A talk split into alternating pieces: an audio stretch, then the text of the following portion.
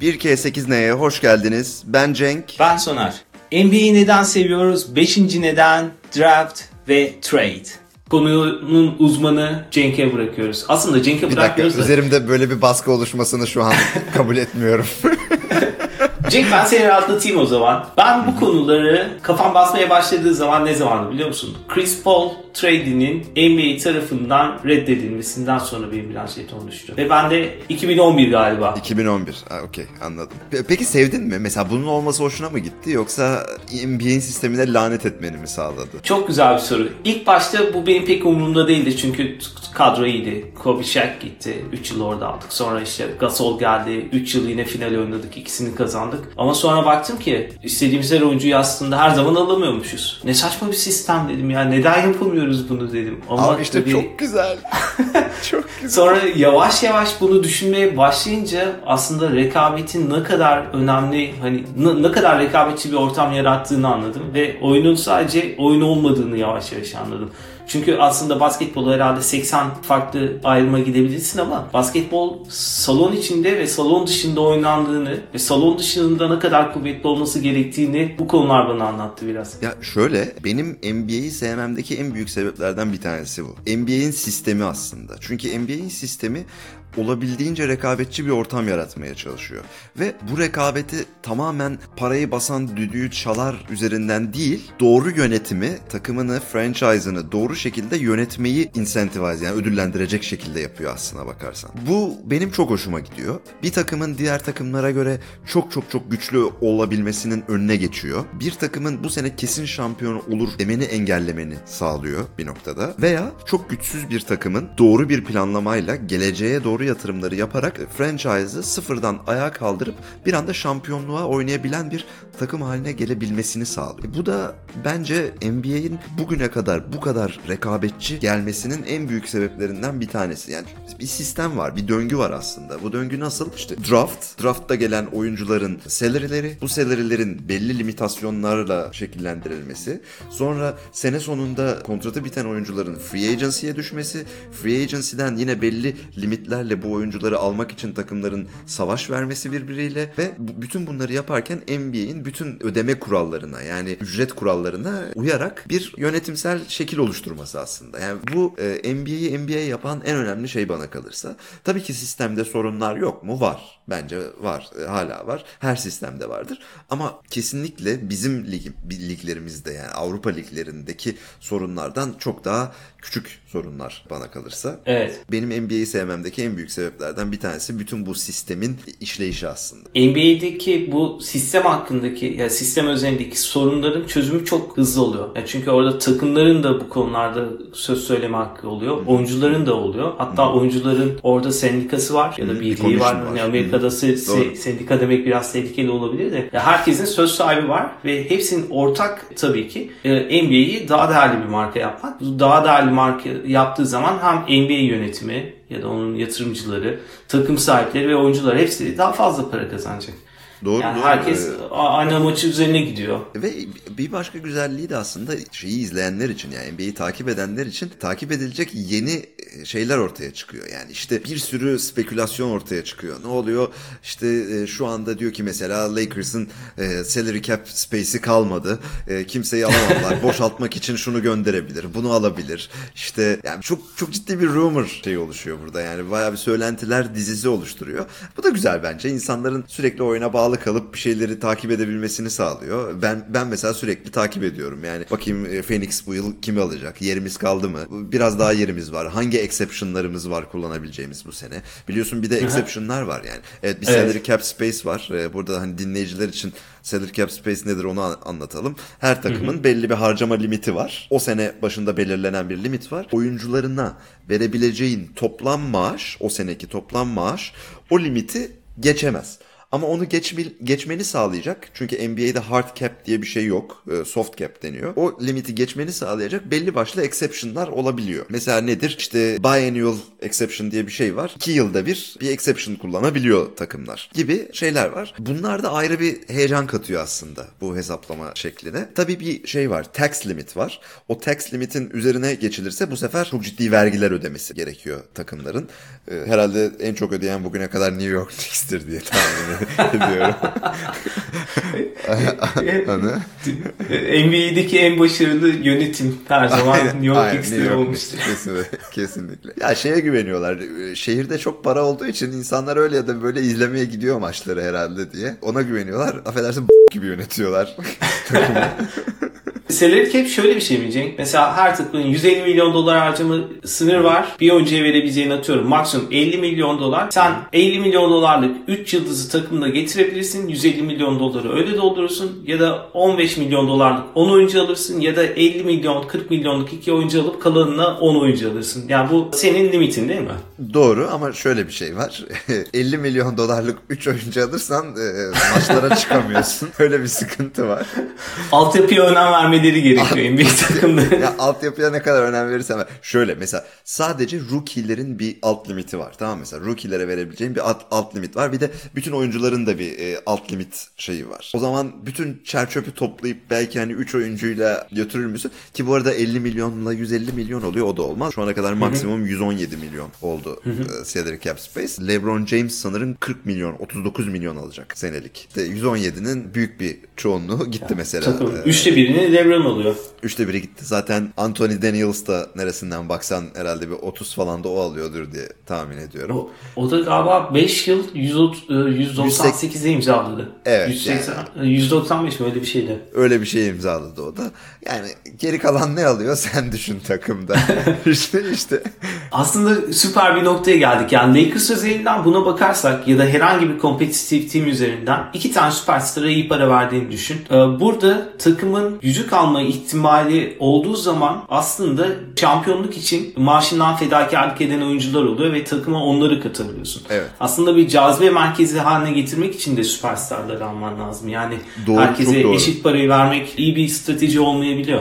Ke- kesinlikle değil. Zaten hiçbir takımda bunu yapmıyor neredeyse. Ama bazı oyuncular tabii ki daha fazla cazibe merkezi haline getiriyor. İşte mesela LeBron. Yani e, LeBron'un şöyle bir gücü var. Birini arayıp bir oyuncuyu arayıp abi gel sen bu sene para kazanma biz de oyna şampiyon olalım deme gibi bir durumu var. Ki bunu birkaç kez yapmış daha önceden. Mesela James Jones'a yapmış. James Jones şu anda şey biliyorsun. Phoenix'in general manager'ı. Zamanında Cleveland'da adamı gel bizde oyna şampiyon olacağız demiş ama para kazanmayacaksın yani işte öyle, öyle bir e, durum söz konusu. Şey de konuşuluyor bu arada. LeBron'un da zamanda kendi maaşından fedakarlık ettiği gibi şeyler de konuşuluyor. Özellikle Cleveland zamanlarından bahsediyorum. Yani şampiyonluk için illa aslında şeyler değil. Diğer oyuncular değil yani role player'lar değil. Aynı zamanda bazen belki süperstarların da kendi maaşlarından fedakarlık yapmalarında fayda olabilir. Yani. Mesela bunu bir örnek şunu verebilirim. Aslında iki örnek direkt aklıma geliyor. LeBron ve Dwayne Wade'in yanına Chris Bosh çok komik bir maaşla gelmişti. Yani Evet, Chris evet. Bosh harika bir oyuncuydu ama acayip fedakarlık etti. Çünkü arkadaşlarıyla beraber şampiyon olmak istedi.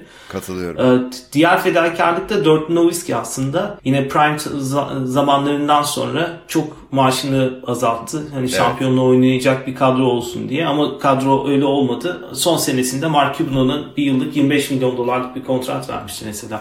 Telafi etmek için. Hmm. Telafi Hani etmek onun- Ya da bağlılığını ödüllendirmek için. Bravo o da o da bu arada yapmaya da bilirdi yani illaki yapacak diye şey. Bu, bu arada şeyi biliyorsundur. Scottie Pippen mesela oynadığı dönemde Michael Jordan'la oynadığı dönemde NBA'in en iyi 10 oyuncusundan biri olarak gösteriliyor. Ama Michael Jordan'ın aldığı maaşın çok çok çok altını alıyordu. Yani çok underpaid'ti. 2 milyon dolar mı ne öyle komik bir rakam alıyordu. Ve Chicago ona yeni sözleşme vermedi o dönemde. Ciddi Aynen. de ciddi de gerginlikler oldu. Bu arada şey de biliyorsun. Michael Jordan'ın şeyi bıraktığı sezon, basketbolu bıraktığı sezon Scottie Pippen'la aslında yine finale kadar geliyor Chicago Bulls. Yani Scottie Pippen harika bir karakter bence de ya. Öyle e, O ama basketbolun yanında. şeyi izledin mi işte izleyecektin hala izlemediysen izle orada biraz daha farklı düşüncelerin olabilir. O, onu kesinlikle izleyeceğim. Hatta Seda da bana kızıyordu. Neden izlemiyorsun? Ben de diyordum duygusallığa girmek istemiyorum. Çünkü Kobe Bryant olduktan sonra yayınlandı falan. O biraz beni şey etti. Zamanlaması hoşuma gitmedi de izleyeceğim. Bu arada Cenk aslında güzel bir noktaya değinmiştin. Ona geri dönmek istiyorum. LeBron James birini arıyor. Gel yanıma oyna falan diyor. Ve burada aslında bu oyuncuların menajerleri, agency'leri de çok önemli oluyor. Çok, çok. Mesela LeBron James'in agency'si mesela KCP'nin de hani e, asıl adamı ve şu an NBA üzerindeki en etkili karakterlerden birisi adamın adını unuttum. O adam olduğuyla ilgili çok fazla yazı falan okumuştum zamanında. Mümkün yani zaten menajerler yani birçok özellikle genç oyuncular için için çok influential. Yani genç oyuncuların ben bir şeye karar verdiğine inanmıyorum. Direkt menajerleri Evet. karar veriyor. O yüzden menajerler çok çok önemli bir yer tutuyorlar. Hani eskiden böyle miydi emin değilim ama şu anda kesinlikle öyle. Mesela şeyi de bilmiyorum. Araştırmakta fayda var mesela. LeBron James'in menajeri ne kadar para alıyor mesela? LeBron'un kazandığının yanında veya işte bir korelasyon var mı yani kazandıkları parayla oyuncunun kazandığı parayla şeyin e, menajerin kazandığı para arasında bir oran orantı durumu var mı mesela? Onları da bir bilmek, bilmek lazım. Ama menajerler çok influential tabii. Konuda sana katılıyorum. Bir de hep şey konuştuk. E, salary'ler üzerine salary cap'e gittik ama bence sistemin en önemli diğer bacağı da şey draft. Ya ben e, NBA'yi en sev en sevdiğim şey draft olabilir NBA'de. Gerçekten Ciddi misin? Çünkü gençlere şans verilmesi yani kesinlikle yeni birileri gelecek bu sezon lige ve drafttan gelecekler. O heyecan, o, oyuncuların e, gelişiminin takibi beni çok heyecanlandırıyor açıkçası. Cenk e, çok güzel bir nokta. Bu arada draft'ın e, yine ligi adil kıl- kılmaya çalışıyorlar orada. Yani bu yıl en kötü performans gösteren takımlar arasında bir oylama yapılıyor. Bir lottery oluyor ve Lottery. onun sonucunda draftta 1, 2, 3 ya da işte sıralama belirleniyor. Kim hangi sırayla seçebileceği belli oluyor. Tabii ki doğal olarak bir numarada olan en iyi e, oyuncuları seçiyor. Mesela güzel örnekler yine verelim. Muhtemelen LeBron James hani bir numara. Bir. İşte yakın zamana bakalım Zion Williams ya da işte Williams, Luka, Doncic 3 müydü? Luka Doncic bir değildi sanırım yanlış hatırlamıyorum. 3'tü galiba. Hemen bakalım. Bu arada Dallas Trae Young'ı seçmişti. Ee, Atlanta Luka Doncic seçmişti ve onlar swap ettiler bu oyuncuları. Pick 3. Pick 3. Doğru. Pick üç Ee, değil mi?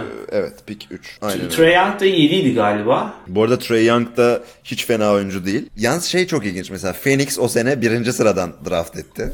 Phoenix o sene birinci sıradan draft etti. Ama kötü değil yine. Yani DeAndre Ayton aldık. Bizim pivota, pivota ihtiyacımız vardı. DeAndre Ayton ben gelecekte iyi bir oyuncu olacağına inanıyorum. O açıdan çok pişman değilim ama tabii ki bir Doncic'i almak vardı hani. Ya bir, bir numaradan pivot deyince aklıma Marco Milic geliyor. Marco Milic'ti değil mi? Yani e, ah. bir numara. Ya muhtemelen hani tarihin en kötü tiplerinden birisiydi. Tarihin en kötü Darko Milicic var. Ha, Darko Milicic. Aynen. Darko Milicic. İşte o adam. Zaten birinci sıra değil Darko Milicic. İkinci sıra. Değil mi? Piki. Aa. İkinci sıra piki. Şöyle. E, birinci, Devamlı oku. birinci sırada kim var o sene? LeBron James. Evet. Yani da- 3 Carmelo. Dur ama şimdi yani şunu bir konuşmak lazım. Şunu bir konuşmak lazım. Şimdi senin elinde şu şu isimler var. Carmelo Anthony, Dwayne Wade, Chris Bosh ve Milicic. Hangisini seçersin? Milic tabii ki. Yani Çünkü gerçekten- takımdan beni kovsunlar tazminatında böyle şey, şey falan isterim yani. Abi zaten Detroit'ten nefret ediyordum. O yüzden hiç üzülmedim Milicic'i seçmelerine. Ama yani Dwayne Wade, Chris Bosh, Carmelo Anthony inanılmaz bir draft pool'u var ve sen gidip Milicic'i seçiyorsun. Burada bir Yıl tane kaç bu arada Cenk? e, yıl 2003 diye hatırlıyorum. Bakayım hemen. 2003. Evet 2003. Ve 2003. 2004 şampiyonu Detroit değil mi? Yani o, o bu 2004 kadar kötü müydü bir... şampiyon, şampiyon oldukları sezon? Hatırlamıyorum sezonu. Galiba o. 2004'tü. Milicic kadroda vardı çünkü. Yalnız şey çok kötü. Yani Milicic var kadroda ama sayı ortalaması 1.3. Yani böyle bir şey yok. Milicic bütün sezon oynadığı sezonların e, ba- bakıldığında en yüksek sayı ortalaması yaptığı sezon 8.8 sayı ortalaması yapmış. yani olacak iş değil ya. Olacak iş değil. Ve abi takımda Ben Wallace ve Mehmet Okur varken bunu oluyor. Tabii tabii. Rashid Wallace var. Burada hem Rashid Wallace var hem Ben Wallace var hem Mehmet Okur var. Yalnız onların yanına kim iyi giderdi? Hani sen kimi seçerdin? Hani bir LeBron zaten o gitti. Yani bence Dwayne Wade giderdi. Gerçi e, Dwayne.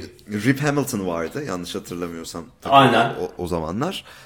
E, Chauncey Billups vardı. Chauncey Billups. Do- dolayısıyla guard doluydu. O zaman o mantıkla gidersek Carmelo Anthony. Ya kesinlikle. Small forward herhalde senelerce şampiyon olacak bir takım kurarlardı. E, Draft neden önemli? Bu yüzden önemli. Bu yüzden önemli. Bu arada ba- ba- yani sadece bu değil başka çok büyük hatalar da var draftlarda. En çok konuşulanını söyleyeyim önce. Söyle. 1984 draft. Evet. 84 klas kim var 84 acaba? draftta. Şimdi birinci sıradan kim seçilmiştir e, diye düşün. Dur seçe- seçenekler var. Seçenekler Ama var. seçenekler verirsem çok kolay bileceksin büyük ihtimalle. tamam dur veriyorum seçenekleri. Şöyle yapalım. Hakim Olajuwon, Michael Tabii ki Jordan. öyle. Hangisini seçersin bu ikisinden birinci sıraya? E, tabii ki Michael Jordan. Hayır, Hakim Olajuwon seçildi ve doğru bir seçim. Bunu söyleyeyim. tamam. Biri, bu arada hakikaten doğru bir seçim bu. Yani o anda takımın ihtiyacı düşünüldüğünde ki Hakim Olajuwon da takımına şampiyonluk getirmiş bir oyuncu. Müthiş bir oyuncu Hakim Olajuwon. Ama ikinci sıradan Michael Jordan seçilmedi. Michael Jordan ikinci sıradan seçilmedi. Michael 8 miydi? Yok 8 değil. Kaçtı? 3 diye biliyorum değil mi acaba ya? Hemen söyleyeyim ben. Bu arada aynı şeyde Charles Barkley de var. Aynı klasta Charles Barkley de var. O da inanılmaz bir durum. Ee, seçilense Sam Bowie diye bir adam. Herhangi bir şekilde NBA'ye bir etkisi olmamış bir arkadaştan bahsediyoruz. Galiba sakatlık sorunları da oldu diye biliyorum. Çok emin Aa, olmamakla o beraber. talihsiz olmuş. Ama zaten herhalde evet Michael Jordan 3 dediğim gibi. Sam Bowie 2, Charles Barkley de 5. Aman Allah. Bu arada başka oyuncular da var yani. Alvin Robertson var, Otis Thorpe var. Ya bayağı iyi bir klas aslında. John Stockton var. Çok iyi bir e, draft klası. Ama gel gör ki Sam Bowie ikinci seçilmiş Portland Trail Bla- Blazers tarafından. Bu arada bu Portland Trail Blazers'ın bu hatayı ilk yapışı değil. Yani zaten draft'ın en şanssız takımı Trail Blazers. Aa, şanssız mı yoksa kötü takım mı? Yani sakatlıklar biraz etkili olduğu için şanssızlık da diyeceğim.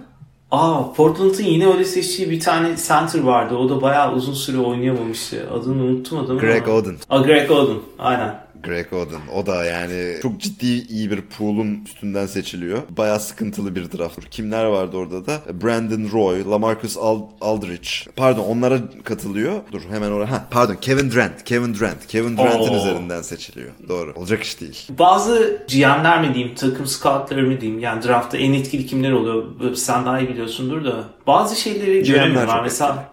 GM'ler. Ya mesela Lakers da çok kötü. Yakın zamanda iki, iki tane iki numara hakkını çok kötü kullandı. Birisinin Lamar, uh, The Bo- Ball. Ball. Ha, Lonzo Ball mu?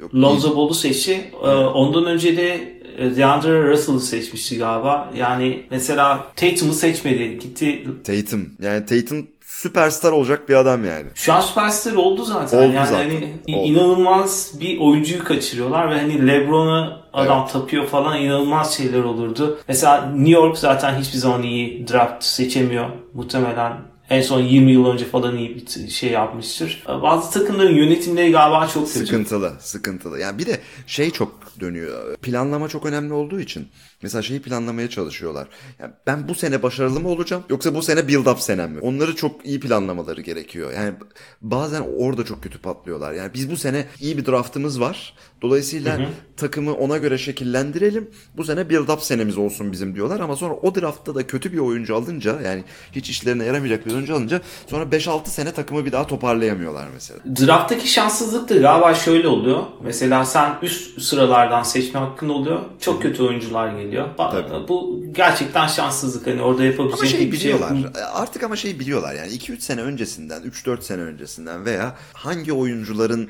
e, o senenin draft pool'una gireceğini ve hangi oyuncuların iyi olacağını artık kestiriyorlar yani. Bunlar biliniyor aslında.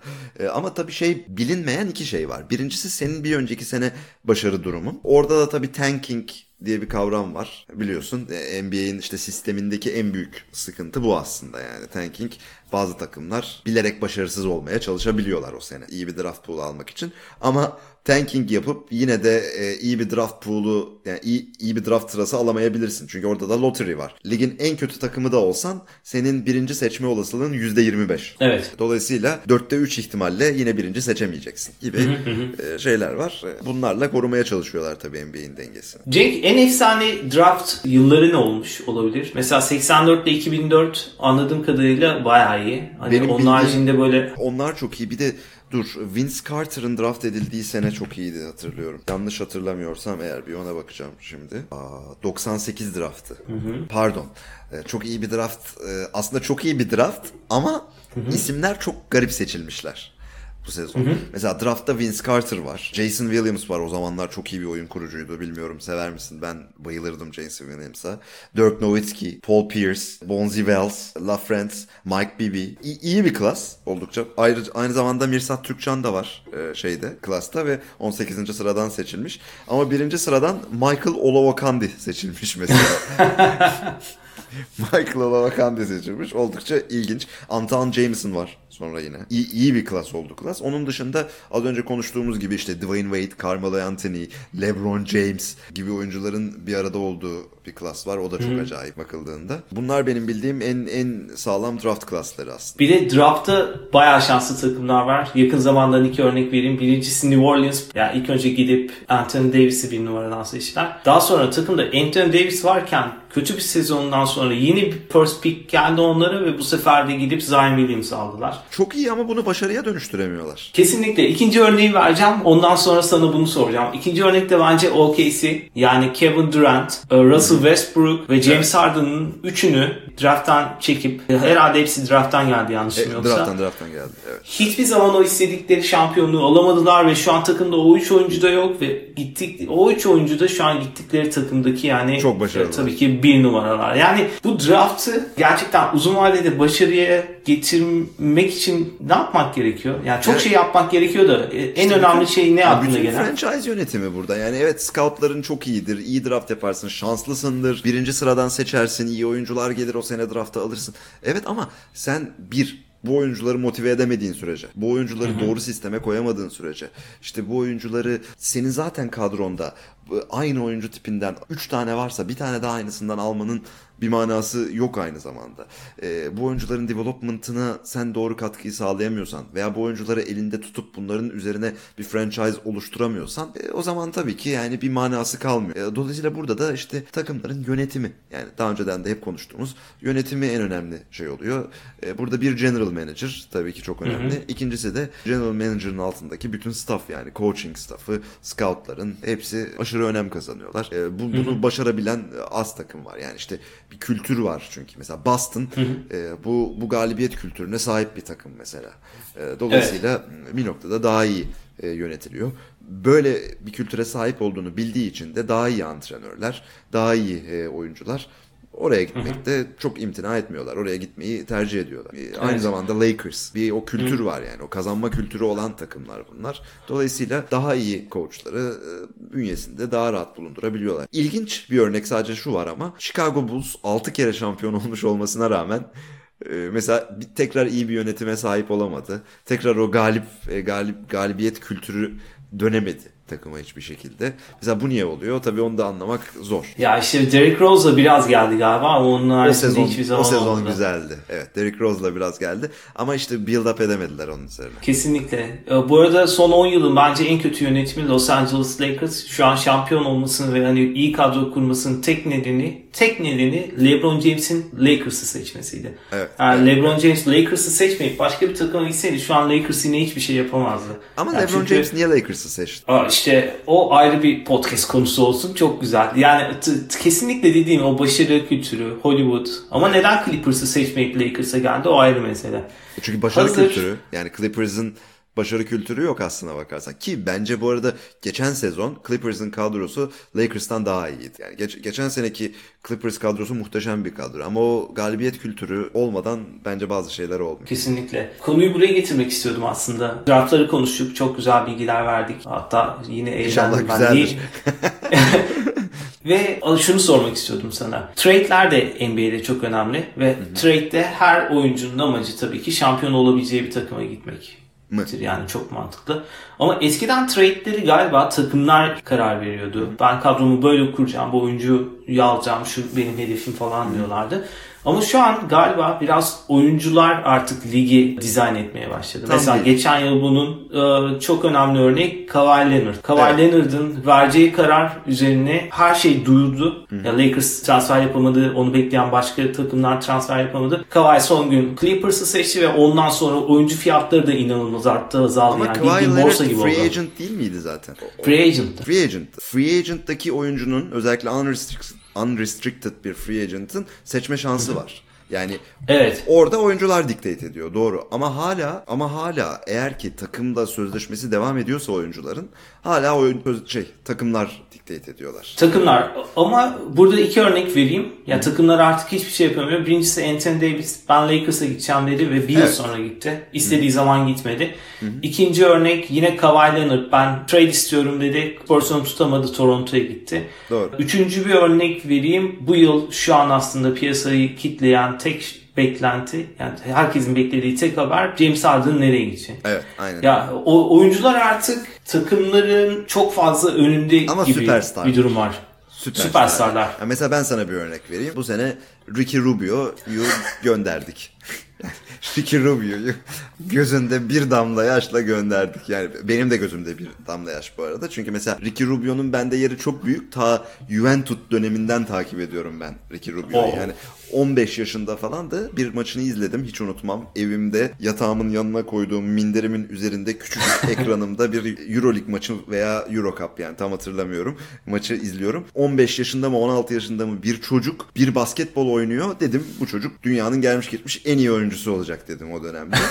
ee, çok yetenekliydi. Aşırı yetenekli bir oyuncuydu. Sen galiba Luka Doncic'in Real Madrid maçını izledin ve Luka böyle karıştırıyorsun. Hayır, hayır. Kesinlikle değil. Ben sana izletirim onu ayrıca.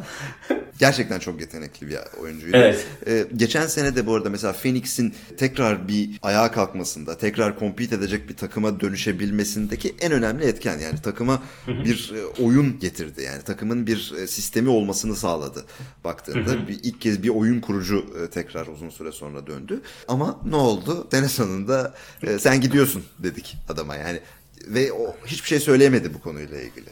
Aynı Evet. şekilde Kelly Oubre Jr. Yani artık bu tip yani süperstarların bir altına inildiğinde ki hala iyi oyuncular, influential oyuncular bunlar. e, Aynen. Oraya bir inildiğinde e, onların pek bir söylem hakkı kalmıyor genel manada. E, galiba onlar meta gibi oluyor. Mesela Trevor Ariza bu yıl 3 takım değiştirdi aynı gün içinde. Yani o kadar fazla trade'e maruz kaldı ki. Yani Trevor Ariza rekoru var zaten. En çok trade edilen oyuncu rekoru var Trevor Ariza. ki yani 2 yıl önce falan en çok istenen oyunculardan biriydi. Evet, yani evet. çok iyi bir tamamlayıcı oyuncuydu. E, bu durumda hani Trevor Ariza şu an herhangi bir X takıma gittiği zaman insanlar ondan ne bekleyecek bilmiyorum yani. Hiçbir şey. Aynen öyle. Trade'ler çok önemli. Bir de biliyorsun draft pickleri de trade edilebiliyor. Bazen bir iyi bir oyuncundan vazgeçip önümüzdeki seneye build up etmek isteyebilirsin. Yani mesela bilmiyorum oldu mu? O zaman bu kadar net takip ettiğimi hatırlamıyorum ama LeBron James'in draft edildiği sene ben ne yapıp edip o draft hakkını almaya çalışırdım büyük ihtimalle. Hatta onu galiba Cenk parayla da satın alabiliyorlar. Onun bir limitleri var. Onun Vardır. be- belli başlı limitleri var diye biliyorum. Çünkü aklımda öyle bir şey kaldı mı? Nereden kaldı Ama bilmiyorum. parayla birinci draftını büyük ihtimalle yani özellikle LeBron James'in içinde olduğu bir draftı satmazsın yani. Ya bence satabilecek takımlar var. Mesela Detroit ve Lakers gibi. New York, iki numaradan New York. ya onları kekleyebilirsiniz gibi geliyor. Olabilir, olabilir. Yani. Evet, bilmiyorum ya bunların yöneticileri para falan mı aklıyorlar acaba? Öyle garip işlere mi giriyorlar yani? Aa, her şey olabilir ya. Ee, bir, bir arada şey NBA mafyası üzerine bir bölüm çekerim en kötü. Tartışmak için. Ekstra bölüm. O zaman sana aklımdaki bunlarla ilgili son soruyu sorayım. Bir takımda çok süperstar oluyor. Yani bir iki süperstar oluyor. Hatta şimdi belki Brooklyn Nets'te James Harden giderse 3 süperstar olacak. Ee, görece iyi oyuncular bu durumda onlara çok az para kalıyor. Dediğimiz gibi şampiyonluk için belki onlar da gidiyor. Ama mesela birisi 40 alıp öbürü 2 milyon dolar aldığı zaman bu oyuncuların motivasyonunu sağlamak için hani ekstra yapılan bir şey var mı biliyor musun? Yoksa o oyuncular şey mi diyor ya tamam benim değerim bu ben çıkıp oynamalıyım mı diyor. Avrupa'da şeyi çok duyarız işte kontratından memnun olmayan oyuncu kalıbı vardır. Ama ben NBA'de hiç böyle bir şey Abi duymadım. var işte söyledim. En, en büyük örneği Scottie Pippen. Memnun Ama o hiç sıkıntı yapmamış gibi bir yandan Ee, da. ya- yapmış ama yansımamış çok. Sıkıntı yapmış ama yansımamış. Ya ama şöyle kurtlar sofrası. Yani NBA dediğin yer bir kurtlar sofrası tamam mı? Yani menajerin iyi olacak ki iyi bir kontrat alabilir. Oyuncular burada şunu tercih edebilir. Kötü bir takıma gidip daha iyi bir kontrat almayı tercih edebilir. Veya iyi bir takımda şampiyonluk kovalayıp o şampiyonluğu alırsa otomatik olarak kontratını arttırabilmenin yollarını arayabilir. Ben şeye inanıyorum. Yani özellikle 3 tane süperstarlı bir takımda oynayıp şampiyonluk motivasyonuyla sahaya çıkan adamların bunu çok o sezon içinde problem ettiğine inanmıyorum. Ama o sezonun sonunda hala aynı rakamdan kontratı devam ediyorsa eminim bunu sorun ediyorlardır. Bir kafalarını taşlara vuracaklar. Çünkü o sözleşmeyi yapmışlar daha önceden. Yapmasalardı o zaman. Çünkü her zaman bir free agent var. Free agent'a gidip e, free agent'tan başka bir takıma geçmeyi düşünebilirlerdi. Takımların elinde de free agent'ta büyük bir havuz var. Eğer ki bu adam bu paraya oynamak istemiyorsa be- ben dedik benim takımımda da bu adamın yapacağı iş buysa ben free agent'ta bu işi yapacak başka bir adam aynı paraya bulurum ve gider onu alırım denebilir. Do- Dolayısıyla ben sistemin bu bağlamda çok şey yaptığını düşünmüyorum. Yani çok çok sıkıntı verici bir durumda olduğunu düşünmüyorum. Oyuncular eğer az para alıyorlarsa bir kendi menajerleriyle bunu konuşacaklar. İki kendi başlarını duvara vuracaklar. Niye ben bu kadar uzun süreli bu kadar düşük bir kontrat yap diye. Ee, iyi niyetli bir yönetime denk gelirlerse o yönetim oyuncunun kontratını yenilemeyi düşünebilir. Mesela bu yıl örnek verelim. KCP kontratında güncellemeye gidildi. Playoff'larda çok iyi oynadığı için hemen adama ekstra para verdiler. Yapan yapabilir. Bu, yani o kadar güzel anlattın ki hani aklımda eksik kalan şeyleri öğrendim bu birincisi. Ama bunları öğrendikçe de aklıma şöyle geldi. Hani NBA Amerikan Ligi dünyanın en kapitalist ülkesi ama NBA içindeki kurallar sanki biraz komünist bir düzen gibi. Ama yine içinde biraz önce söylediğin şey aslında bence ilk bölüm keşke söyleseydik. NBA kurtlar sofrası dedin ama o komünizm içinde de bir kurtlar sofrası var. Var. Var. Yani aslında bu, bu, bunu komünizme benzetmenin tek sebebi yani ortak kaynak diyor olmamız. Yani ortak bir oyuncu havuzu, ortak bir harcama limiti, herkesin durumu eşit değil. Çünkü belli, hard cap diye bir şey yok. Belli başlı takımlar bu limitleri aşıp saçma sapan vergiler vermeyi göze alabiliyorlar mesela. Yani dolayısıyla yine bir kapitalizm işin içinde var. Aynı zamanda e, işin daha büyük tarafı brand management. Yani takımların marka değerleri ve bu marka değeri üzerinden yapılan franchise gelirleri. Bilmiyorum hiçbir NBA maçına bilet almayı denedin mi veya fiyatlarına baktın mı? Yani çok büyük bir pazar ya. Acayip bir pazar. Ya yani aslında komünist, komünist de demeyelim, sosyalist diyelim artık sosyalist bir düzende bir kukla oynatılıyor ve bu kuklayla kapitalist bir market oluşturuluyor aslında yani pazar oluşturuluyor gibi bir durum var yani.